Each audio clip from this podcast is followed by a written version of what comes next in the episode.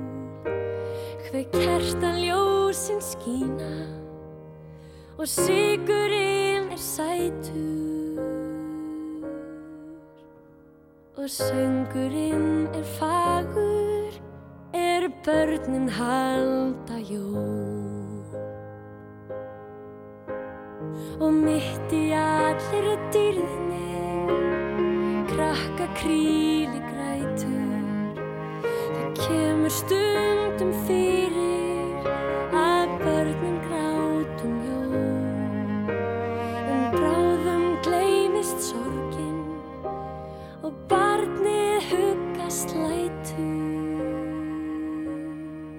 og brosir gegnum tárin sem fýfil móti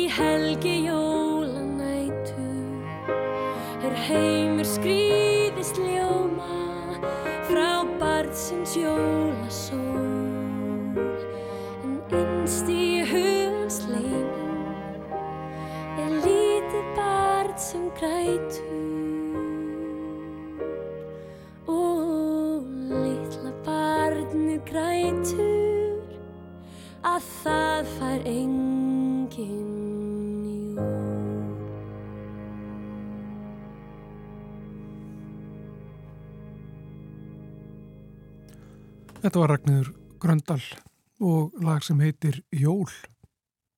Það er hann sestur hérna hjá mér Einar Georgsson, hann er verkefnustjóri hluteldarlána hjá HMS, húsnæðis og mannverkjastofnun. Verður velkomin til okkar. Takk fyrir, takk fyrir að bjóða mér.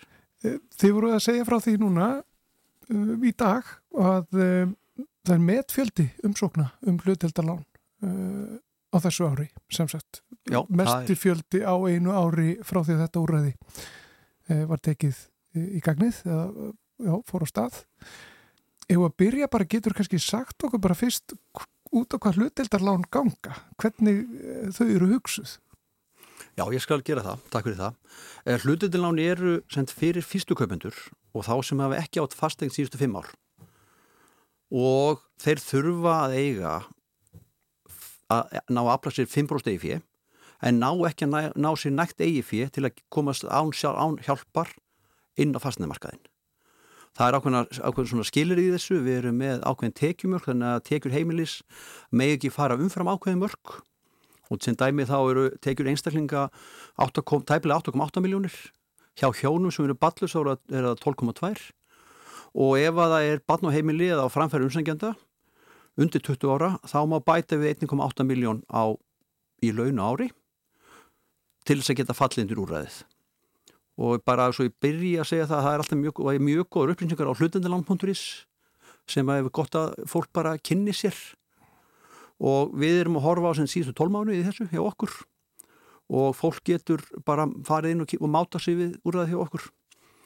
Við erum með hlutundilán sem eru, sá, svona, eru ígildi eiginfið þannig að fólk sem ekki getur næra að safna 5% eiginfið það getur fengið lán hjá okkur fyrir alltaf 20%, fyrir 20% en þarf að standa standast kröfur um það að geta borgað af 75% íbúðlóni þannig að fólk, sko, úrræði virka þannig að þú tekur 75% lán hjá lánastofnun þú fær 20% hlutendalán og þú kemur sjálfur með 5% eiginfið Með þessu leið þá náum við að hjálpa fólki sem næri ekki eigi fínu að kaupa sína fyrstu fastegn eða kaupa fyrst, fast fastegn eftir að fimm ára líðum frá það áttu síðustu einn. Oh.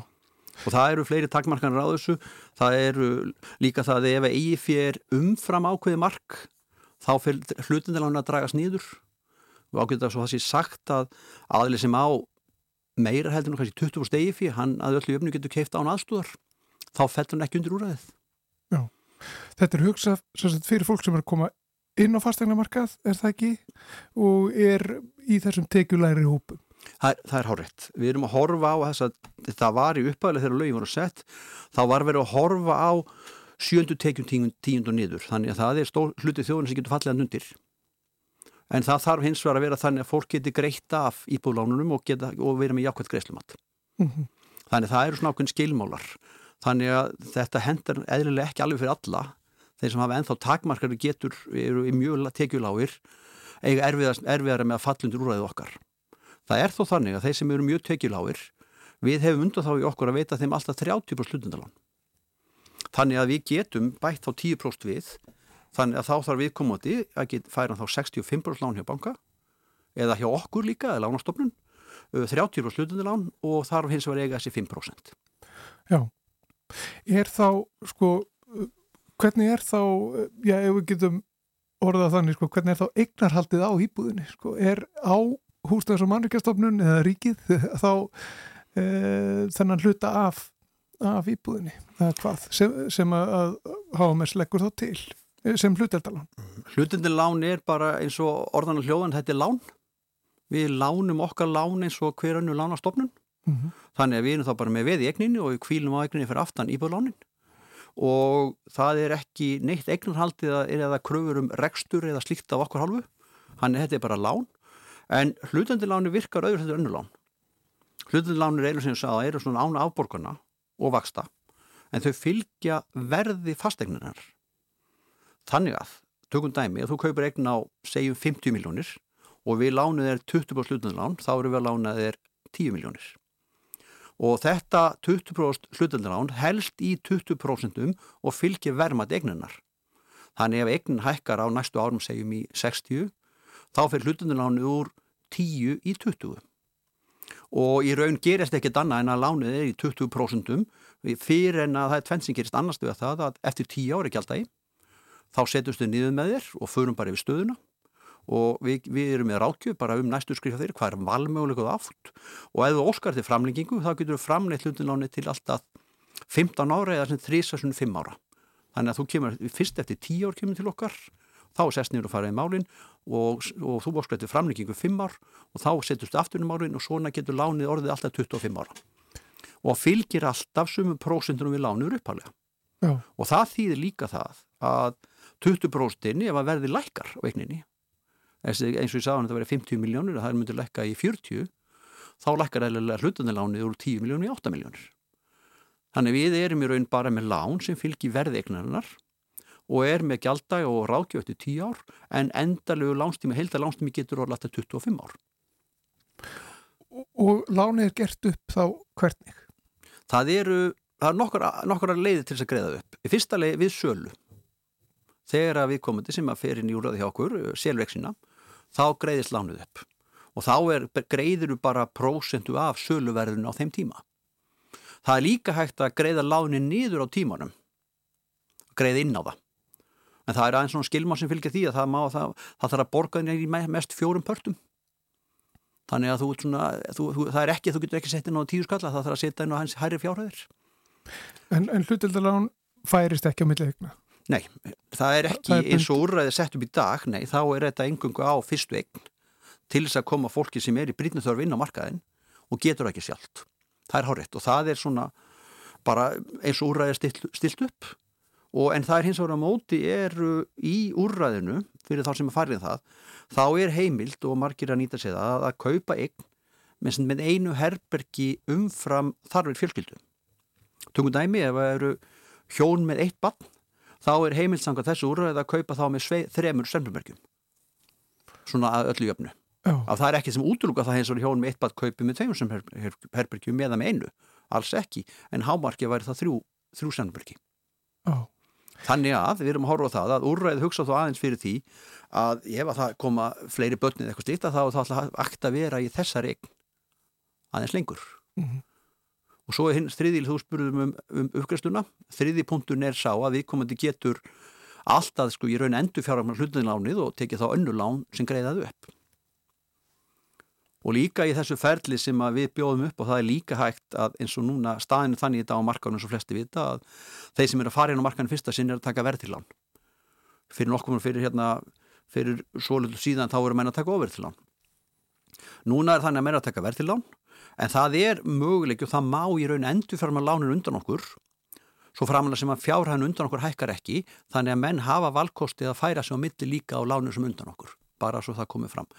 Þannig að menn, hvað má segja, er ekki fastir í, í verðtriðu eða óverðtriðu láni út lánstíman aukin, aukin sveigjalegi fyrir viðkomandi. Og hvernig eignir eru þetta? Hvernig íbúður eru þetta? Hvaða íbúður þetta? Er það skilgrind? Það er, já, það er ákveðnar, það eru alveg mjög góðar skilgrinningar í lögunum hjá okkur og það eru, þetta er þetta samspila þrennu, þetta er að staðsendingu fjölda Svernbergja og stærð Þetta eru nýja regnir sem fallandundir. Það er undan þá að vera með endurbættar regnir sem, sem líkjám á við nýjar. Alla regnir þurfa að fara í gegnum skoðun hjá okkur. Það er að segja að við skoðum byggingaraflum, við skoðum teikningar og við förum yfir regnina og við leggjum sjálfsagt mat á hvað hámasverð á þessar regn inn í úrðum á vera. Og verðin okkar eru, og það kom frá svona kynningun okkar í morgun, að verðin okkar sem við erum að lána á og erum að hjálpa fólki eignast eignir á eru talsvert undir því sem að gengur á markarum. Við vorum að sjá að eignir eins og höfbrukarstökum dæmi bara eh, eignir sem fallendur höfbrukarstöðin hafa gengið kaupum og sögulum á þessu ári og eru nýjar sem byggða 2001 og síðar er að jafna er svona 7,8-7,9% dýrari heldur en eignir sem við erum að lána á sama svæði með hlundinlánum. Já, en af hverju er það? Af hverju eru það dýrari? Þá það er íbúðir sem eru þarna borta sama við íbúðar sem að þið veitir hlutaldalán fyrir? Megin skýringin er svo að við erum með ákveðin hámasverð sem við meðum lán út á og eignindan fara í gegnum svolítið þettir íni hjá okkur og við gefum þetta hámasverð. Þau eru öll, öll í öfnu heldur en svona meðal markasverðið og svo er annað líka sem að við höfum séð og er, hefur raungjast, já við erum með mörg dæmi þess að byggjandur þeir sem er að byggja eignir og er að selja almenni markaði eru að litka til og jafnveg lækka verðið til þess að okkar að viðskiptafinnir geti keift í húsi og viðkomandi. Við erum svona að talsvita dæmi um þetta bæði hérna á höfbrukarsvæðinu og í nákvæmlega höfbrukarsvæðinsins. og við eðlilega fögnum þessu. Þetta er bara mjög gott fyrir okkur umbegjóndur. Og hvar eru þessar íbúðir sem er verið að veita hlutildalán fyrir? Í raun er allt Ísland undir hjá okkur.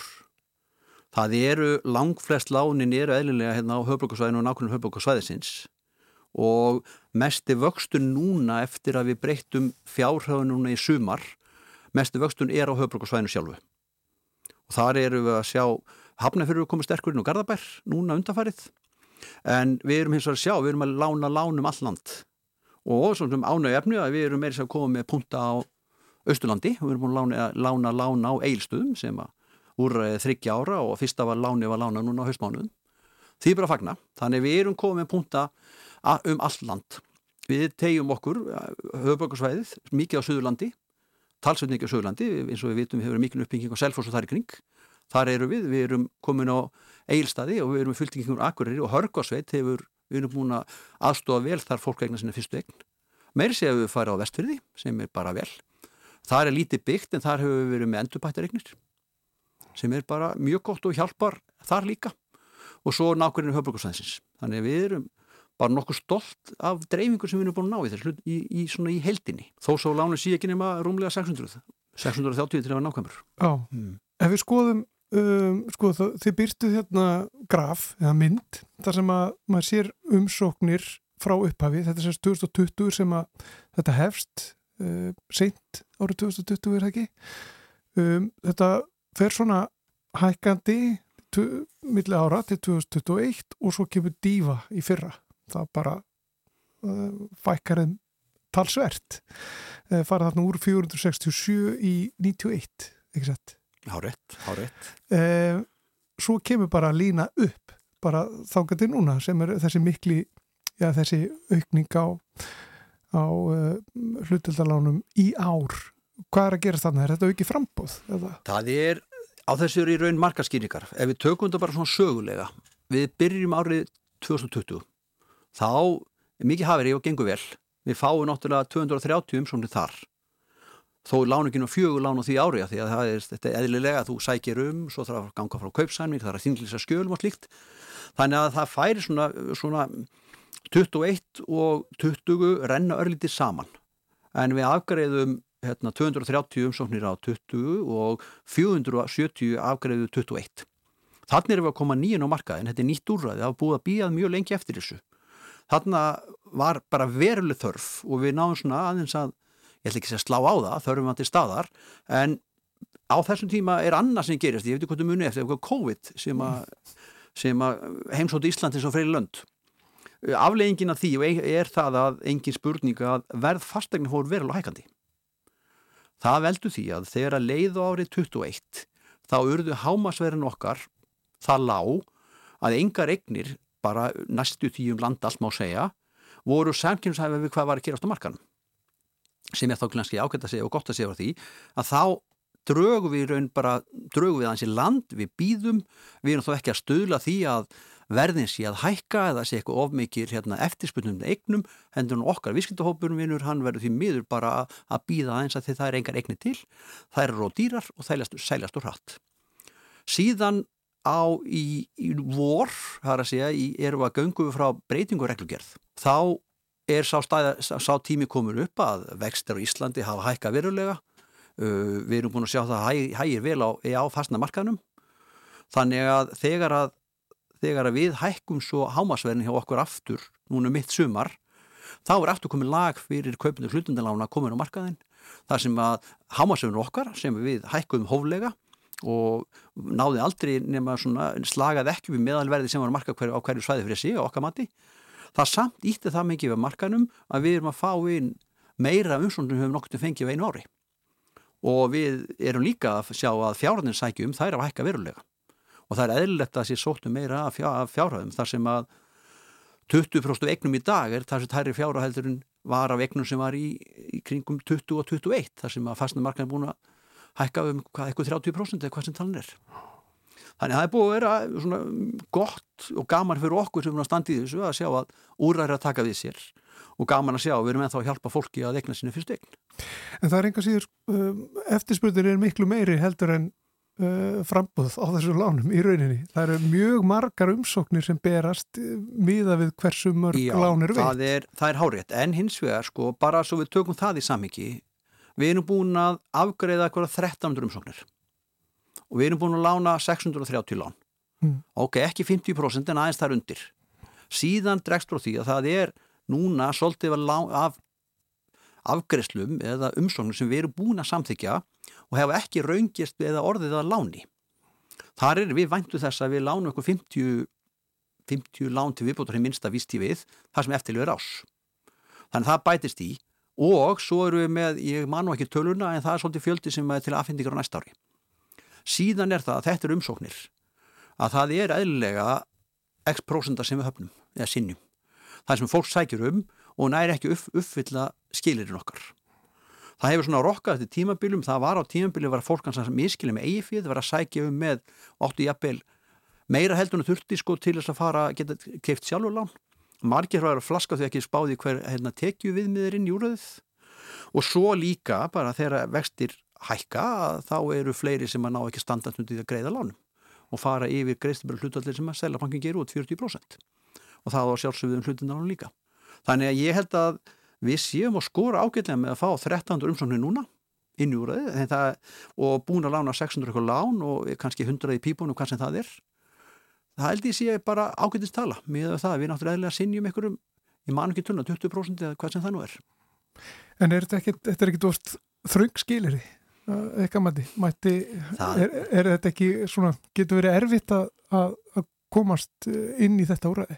Jú, sannarlega, sko alltaf þegar þú dregur línu í sand það er alltaf eitthvað sem er hinnum með hana og ákvörðun sem var tekin á sínum tíma þá var talið um það að miða við hvað var marg, margi sem við gátum hjálpað án þess að við séum að fara að hafa eitthvað verulega áhrif á fastnamarkaðin þá er þar er eitthvað lína dregin.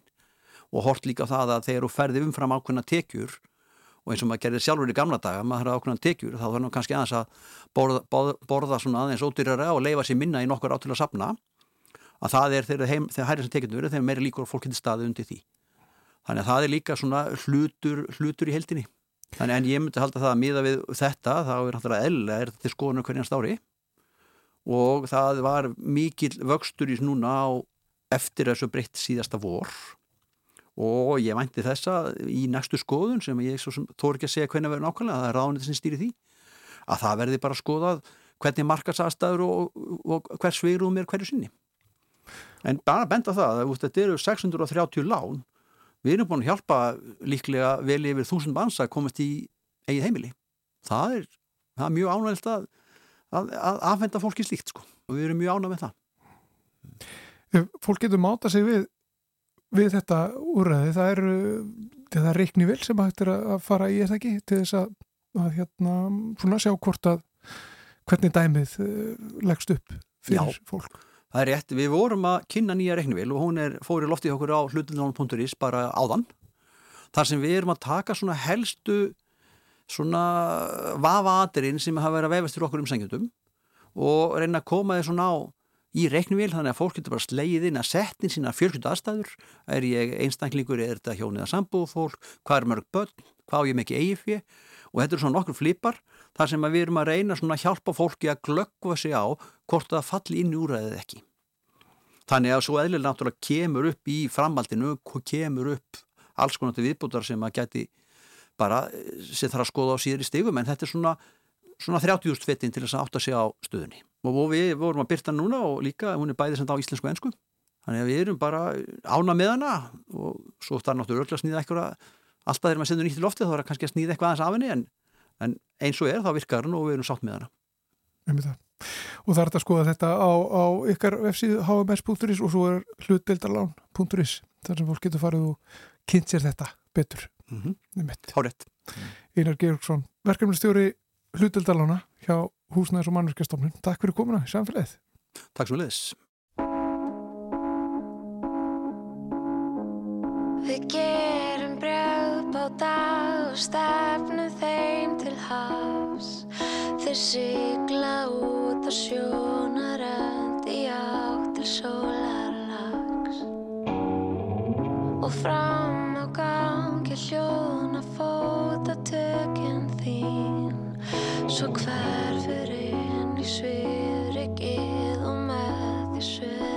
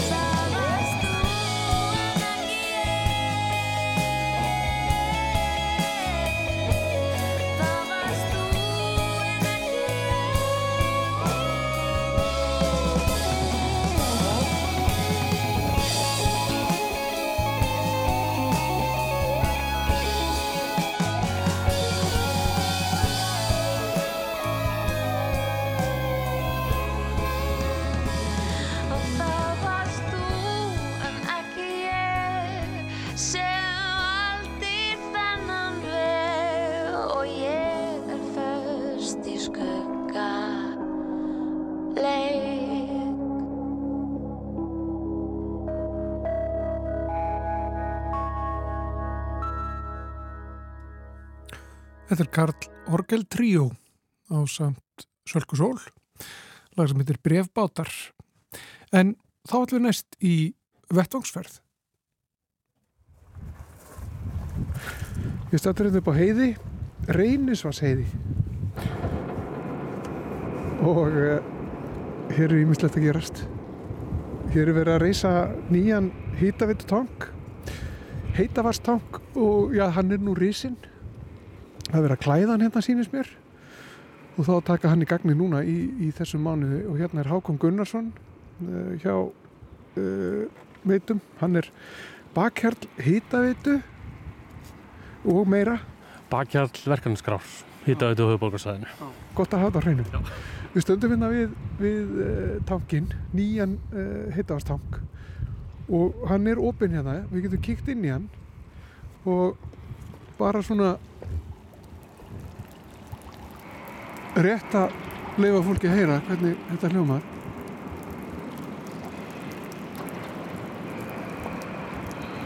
Svona hljómar tómur, tómur heitavastangur Lamið um bolta í hérna og, og fengið gott onda með, ekki?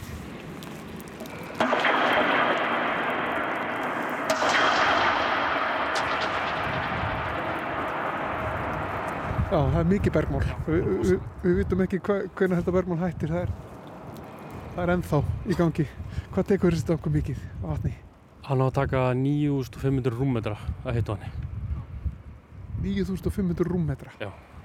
9500 þúsund lítra af vatni. Það er slatti. Það er rosalega mikið. Við höfum að færa okkur hérna aðeins. Það er, það er, já, já. Það er ekki þetta. Og hjálpaði þetta?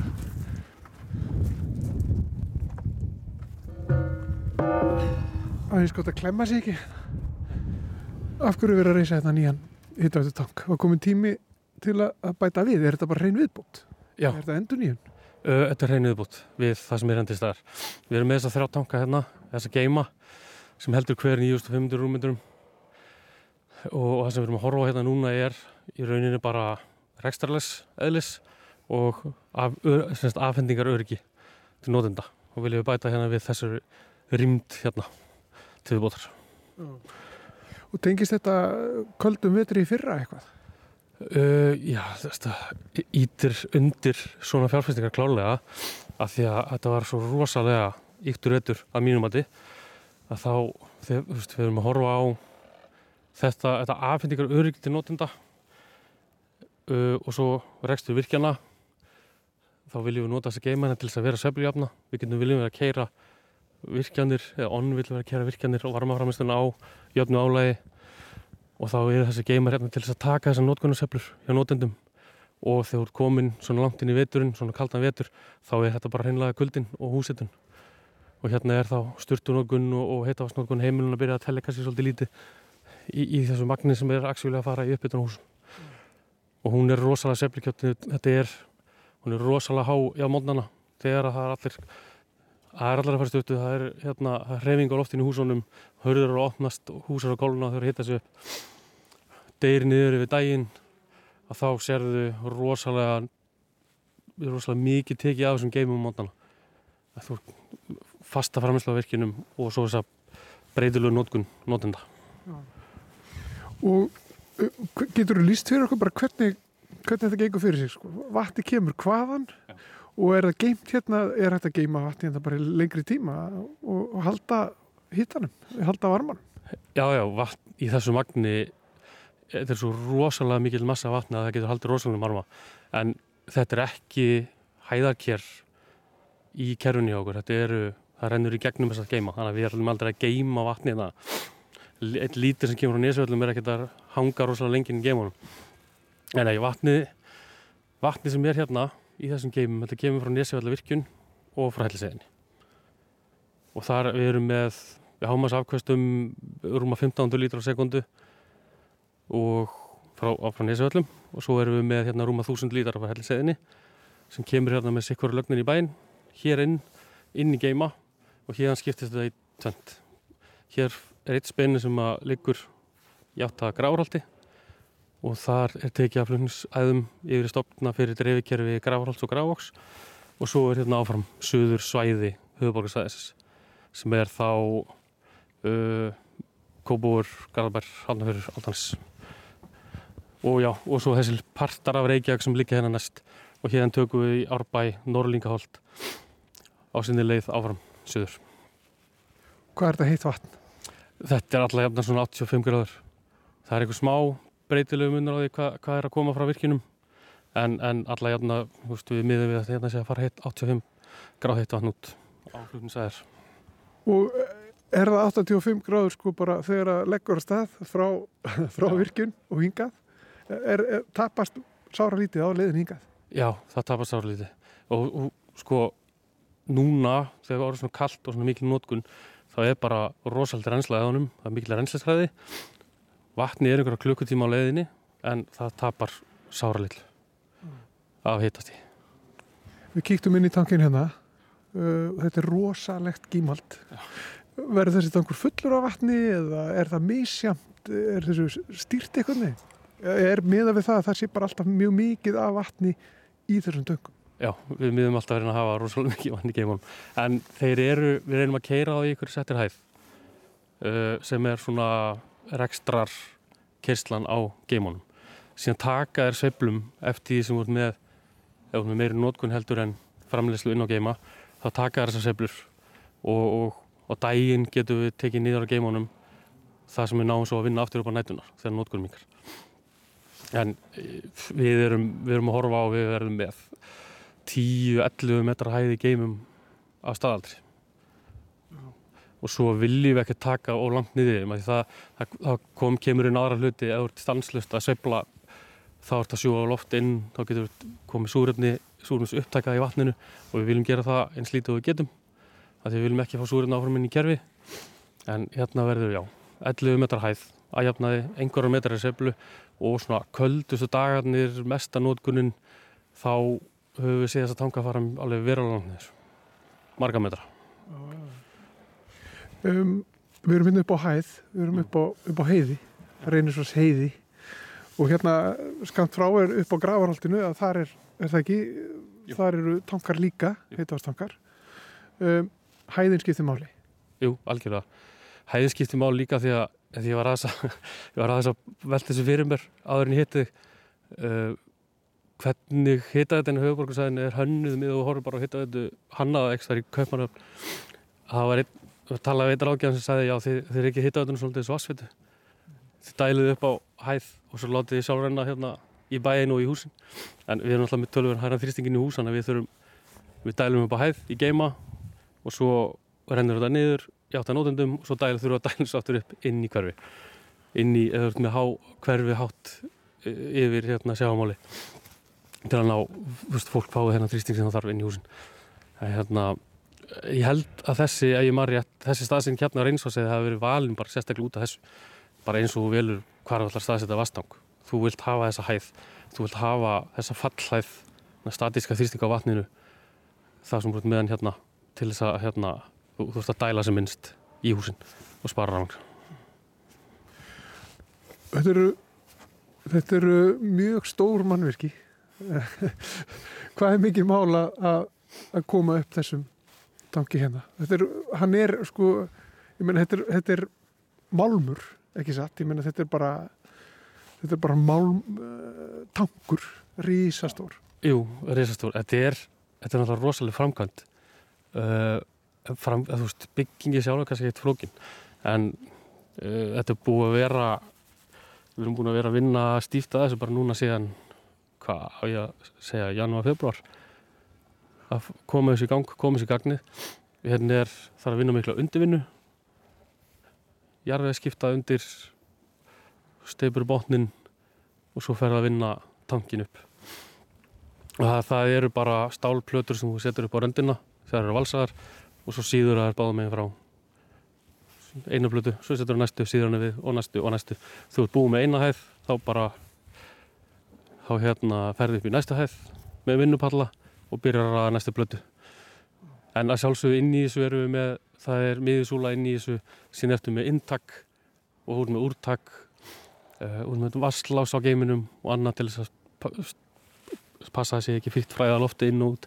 Þannig að það er það eru nokkra rauka pípur hérna en annars er þetta bara einn rosalega stór pípa sem stendur borðand Og er þetta í þínum huga ekkert, ekkert rosalega flókið? Sko, er þetta ekkert uh, flókin svona, er þetta ekkert flókin fræði í grunninn? Jú, sjálfsög, hérna náttúrulega, þú veist,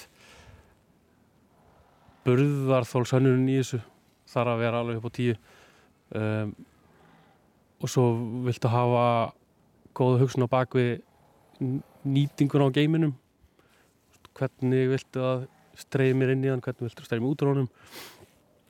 Þú þarfst að setja alls konar varnagla við.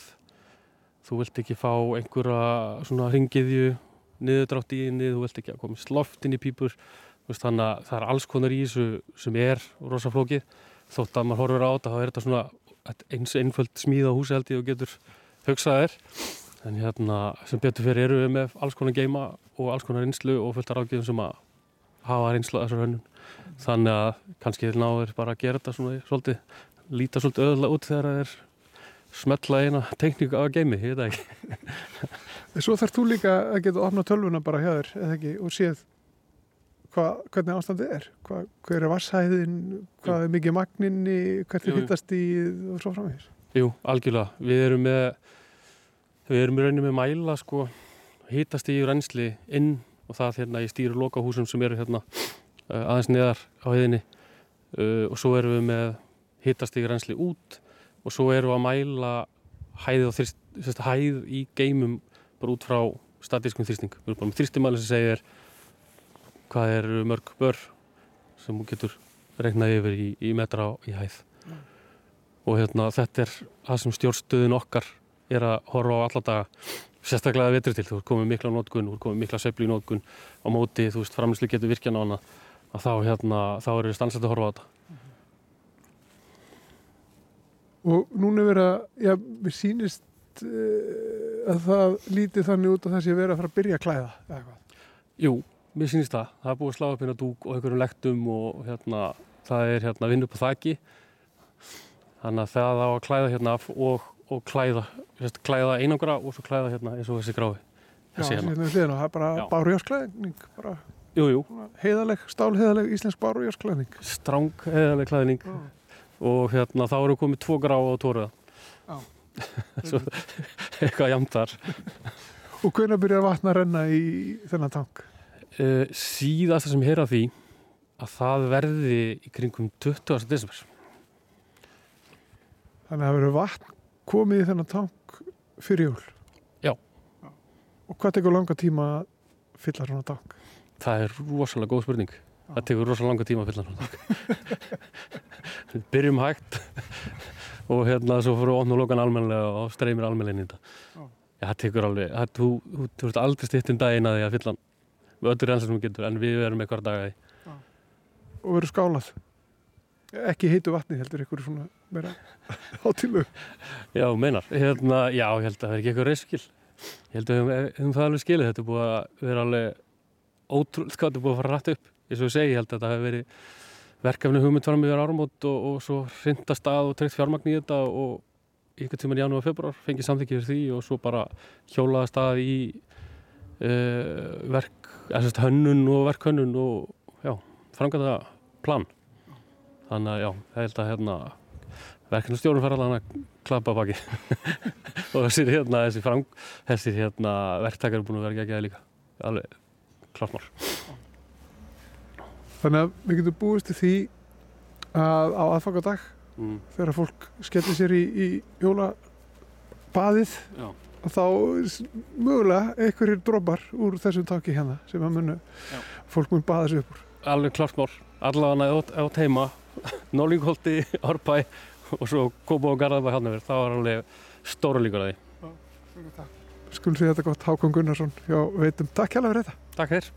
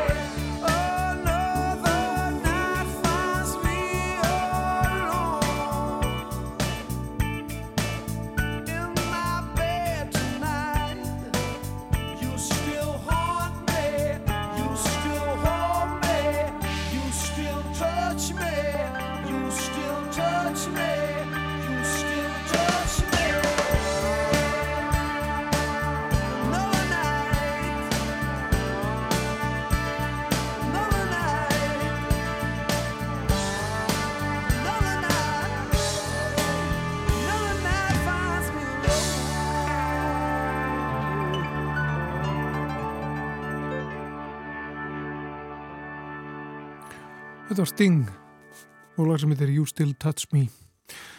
Lag af blötunni Mercury Falling sem kom út árið 1996 En næstur á dagskráður Páll Líndal umhverfis sálfræðingur, hann flytur okkur sinn pistil.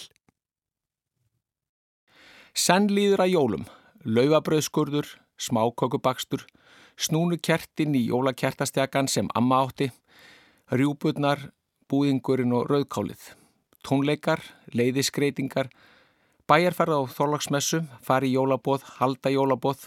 Af hverju? Jú, þetta eru síðir, þetta eru hefðir, venjur, vani. Jólin í ár verða sennilega áþekk jólunum í fyrra nema auðvitað við bregðum út af vananum. Vana má skilgrina sem tiltekna uppbyggingu hugsana sem með sjálfvirkum og óvem meðvituðum hætti leiði til tiltekinar hegðunar í tilteknum aðstæðum. Árið 1977 lísti Harry Triandis sem oft er kallaður fadir þvermenningalegrar sálfræði því með eftirfærandi hætti hvernig vani festist í sessi. Í hvert skipti sem tiltekið atferðli í tilteknum aðstæðum skilar okkur þeim árangri sem við sækjumst eftir, verður við líklegri til að endur taka sama atferðli með ómeðvituðum hætti þegar að sömu aðstæður koma upp. Með öðrum orðum flist atferðlið með tímanum frá því að vera meðvituð ætlun okkar yfir í sjálfvirt ferli. Ætlun okkar spáir því mikið fyrir um atferðlið þegar við lendum í tilteknum aðstæðum í fyrsta skipti. En eftir því sem sömu aðstæður koma oftar upp og við höfum tækifæri til að endur taka hæðunina, því meiri verða áhrif vanans. Og eigi endurtekningin sér stað nógu oft mun vanin á einhverjum tímapunkti verða ætluninni yfirsterkari. Rannsóknir hafa sínt að stór hluti atferðlis okkar daglega lífs eða 40 til 95% lítur stjórn sjálfvirkra ferla og telst í vani.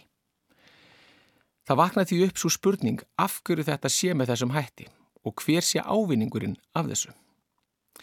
Ein möguleg skýring er þessi. Þegar við festumst í viðjum vanans, með öðrum orðum, þegar við setjum á sjálfstyringu, þá getum við hugsað um aðra hluti en nákvæmlega þá sem við erum að fást við á þeim tímapunkti. Ólíkt því sem gerist þegar við bregðum út af vananum, því þá þurfum við að einbytta okkur að viðfángsefninu. Vanin gerur okkur því kleift að framkama tiltaknar aðtapnir með lámarks hugrætni fyrirhöfn og þannig getum við nýtt okkar dýrmætu hugrænu getu sem er af skortnum skamti með sem árangus ríkustum hætti. Vangaveltur um vanan hafa svo sannarlega skotið upp kollinum innan umhverjusálfræðinar og ekki af ástæðu lausu. Því vanin gegnir líki hlutverki varandi viðþorf okkar til umhverfisins og umgengni.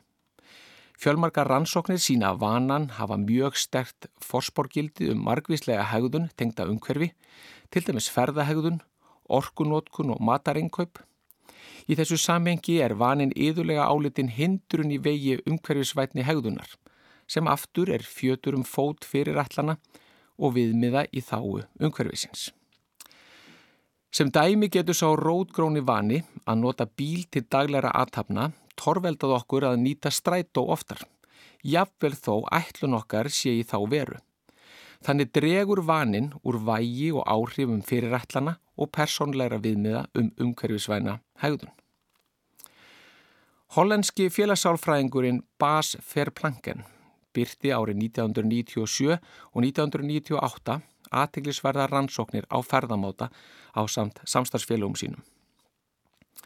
Þar komi ljós að eftir því sem fólk var vanafastara varandi ferðamáta því minni áhuga hafði það á að afla sér upplýsinga um aðra ferðamáta. En einnig ef fólk var meðvitað um nýjar upplýsingar varðandi aðra ferðamáta dró vaninn úr vilja þess til að flétta upplýsingarnar inn í ákvarnatöku varðandi ferðamáta. Sé þetta yfirfært á daglegt líf, máð ímynda sér einstakling sem hefur vanið sig á engabílin sem fararmáta til og frá vinnu. Eitt daginn er svo kynnt til sögunar nýtt, þægilegt og skilvirt strætókerfi sem smell passar þessum aðela fyrir ferðalög til og frá vinnu. Niðurstöður ansóknarinnar gefa til kynna að umrætur aðili myndað öllum líkindum ekki nýta sér þennan nýja valmöguleika því hann myndi kvorki meðtaka upplýsingar um hið nýja strætókerfi nýja hagnýta þær hefðan þær á reyðum höndum. En því fer þó fjari að van okkar sé alltaf umhverfinu í óhag. Að slökva ljósin þegar farið er út úr herbergi er til dæmis í þáu umhverfisins, sem og að flokka sorp nú eða velja umhverfisvæn þvóttahefni og sápur. Áskorunin fælst frekar í því að þegar íta skal undir umhverfisvæna hegðun okkar. Þá standur vanin oftar en ekki í vegi. Líkt og fyrr segir vinnur hann gegn fyrirætlunum okkar og það að breyta vananum getur verið þrautin þingri. Ekki síst vegna þess að margar velþektar aðferðir sem notaðir eru til að hafa áhrif eru líklegar til að mistakast. Til dæmis er alls kostar óvist hvort vanafast fólk meðtæki eða reynlega taki eftir upplýsingum sem veittar eru um neikvað áhrif tiltekinar hegðunar. Og það sama gildur um þegar að settar eru fram upplýsingar um hvernig vinna megi að jákvæðri þróun mála. Aðferðir sem beina sjónum sínum að fyrirætlunum og viðmiðum geta mögulega haft sín áhrif. Allt þar til færa á breyta ætlun og eða viðmið yfir í hegðun. Þá grýpur vanin inni því hann er ætlun og viðmiðnum yfirsterkari. Það hefur því sínt sig að breytingar á vana fela í sér þrepaskiptar aðgerðir. Þar sem mikilvægt er að byrja sér á að vinda ofan af þeim vana sem vinnur á móti því að tilteknar hegðunabreitingar geti átt sér stað. Í framhaldinu þarf svo að hafa áhrif á ákvarnatöku fólks sem svo aftur getur haft áhrif á að svo hegðun sem sóst er eftir komi fram. Svo aðferð sem gerðan er notuð til að vinda ofan af vana felur í sér að nógu mikla breytingar eru gerðar á tilteknum aðstæðum að þær kalli á nýja nálgun. Aðferðin byggir á þeirri hugmynd að ef vani er bein og ósjálfráð tenging millir tiltekina vísbendinga í umhverfinu og tiltekinar hegðunar, þá sé nóg að breyta eða fjarlæga umrættar vísbendingar og þá muni vanin leggjast af. Rannsóknir hafa sínt að þessi aðferð virkar nokkuð vel í stuttan tíma en hlutinir virðast hafa tilneingu til að falla í sama farið á nýjan leik. Það þarf því fleira að koma til, svo sem einhvers konar skuldbytting í kjölfarbreytingana um að haldið verði áfram á sömu braut. Rannsókn Ellen Mattís, professors í ungverið sálfræði sem byrt var árið 2006, síndi að betri árangur náðist í breytingum á ferðamáta fólks til lengri tíma ef því var bóðið að nýta sér almenni samgöngur frítt í ákveðin tíma og það skuldbatt sig skriflega til að prófa almenni samgöngur í samaburði við ef að fólk fekk einungis frímiða eða það einungis skuldbatt sig til að prófa almenni samgöngur. Rannsók þeirra Satoshi Fuji og Tommy Jerling sem byrt var árið 2003 tók annar vinkil á viðfangsefnið. Þeir félagar voru áhuga samur um að sjá hvað myndi gerast ef ókleift væri fyrir fólk að fylgja vana sínum og það væri knúið til að leita annara leiða. Til að svara þessari spurningu beindu þeir sjónum sínum að því þegar að Hassin Expressway Sakai Route, það er hraðbrautinni milli borgarna Osaka og Sakai City í Japan, var lokað í átta daga í november 1998 vegna viðhaldsframkvæmda. Niðurstöðnar voru áhugaverðar því þær síndu að bílstjórar sem nýttu almenni samgöngur meðan á lokun stóð notuðu þann faramáta oftar ári síðar en þeir bílstjórar sem ekki nýttu sér almenningssamgöngukerfið. Þá kom einnig fram að ökumenn sem áður höfðu ofmetið ferðatíma með almenningssamgöngum skoðuðu hugsin og leiðréttu matsitt meðan á lokun hraðbröðarinnar stóð og voru því líkleri til að nota almenningssamgöngukerfið í kjölfarið. Þessar niðurstöður sína að tímabundnar breytingar sem þvinga fram breyta hegðun hjá fólki geta skapað dýrmæð tækifæri til að byggja upp reynslu og leiðrétta ránkumundir og þannig kalla fram viðvarandi hegðunabreitingar. Sálfræðiransóknir sem þessar geta veitt mikilvæga einsýn þegar að kemur að því að opna augu fólks fyrir umhverfi sínu og málöfnu þess. Með því að kafa ofan í hugsun og eðlimanniskunar má finna mikilvæga likla sem skipt geta máli, til dæmins nú þegar við stöndum frammi fyrir því að 28. lofslagsrástefna saminuðu þjóðana, COP28, sem nú er í gangi, er síðasta tækifærið til að ná samstöðu til að takast á við lofslagsvandan. En hefði sama á einni við um smerri mál, svo sem þegar að auka þarf farþið að fjöldi strætó eða draga þarf úr nótkun nagladekja. Til að hafa áhrif á manneskuna og gjörðir hennar þurfum við að þekka eðli hennar úr samsetningu. Þess vegna er það mikilvægt og verður sífælt mikilvægra að sálfræði sér tekinn með vísendalegum og markvissum hætti inn í vinnu tengda samspili fólks og umhverfis. Takk í dag. Það var Páll Líndal, umhverfis sálfræðingur sem átti loka orðin í samfélaginu þennan þriðudag, 5. desember. Guðmundur Pálsson þakkar fyrir sig í dag. Samfélagi verður á sínum stað á morgun klukkan eitt. Heyrust á.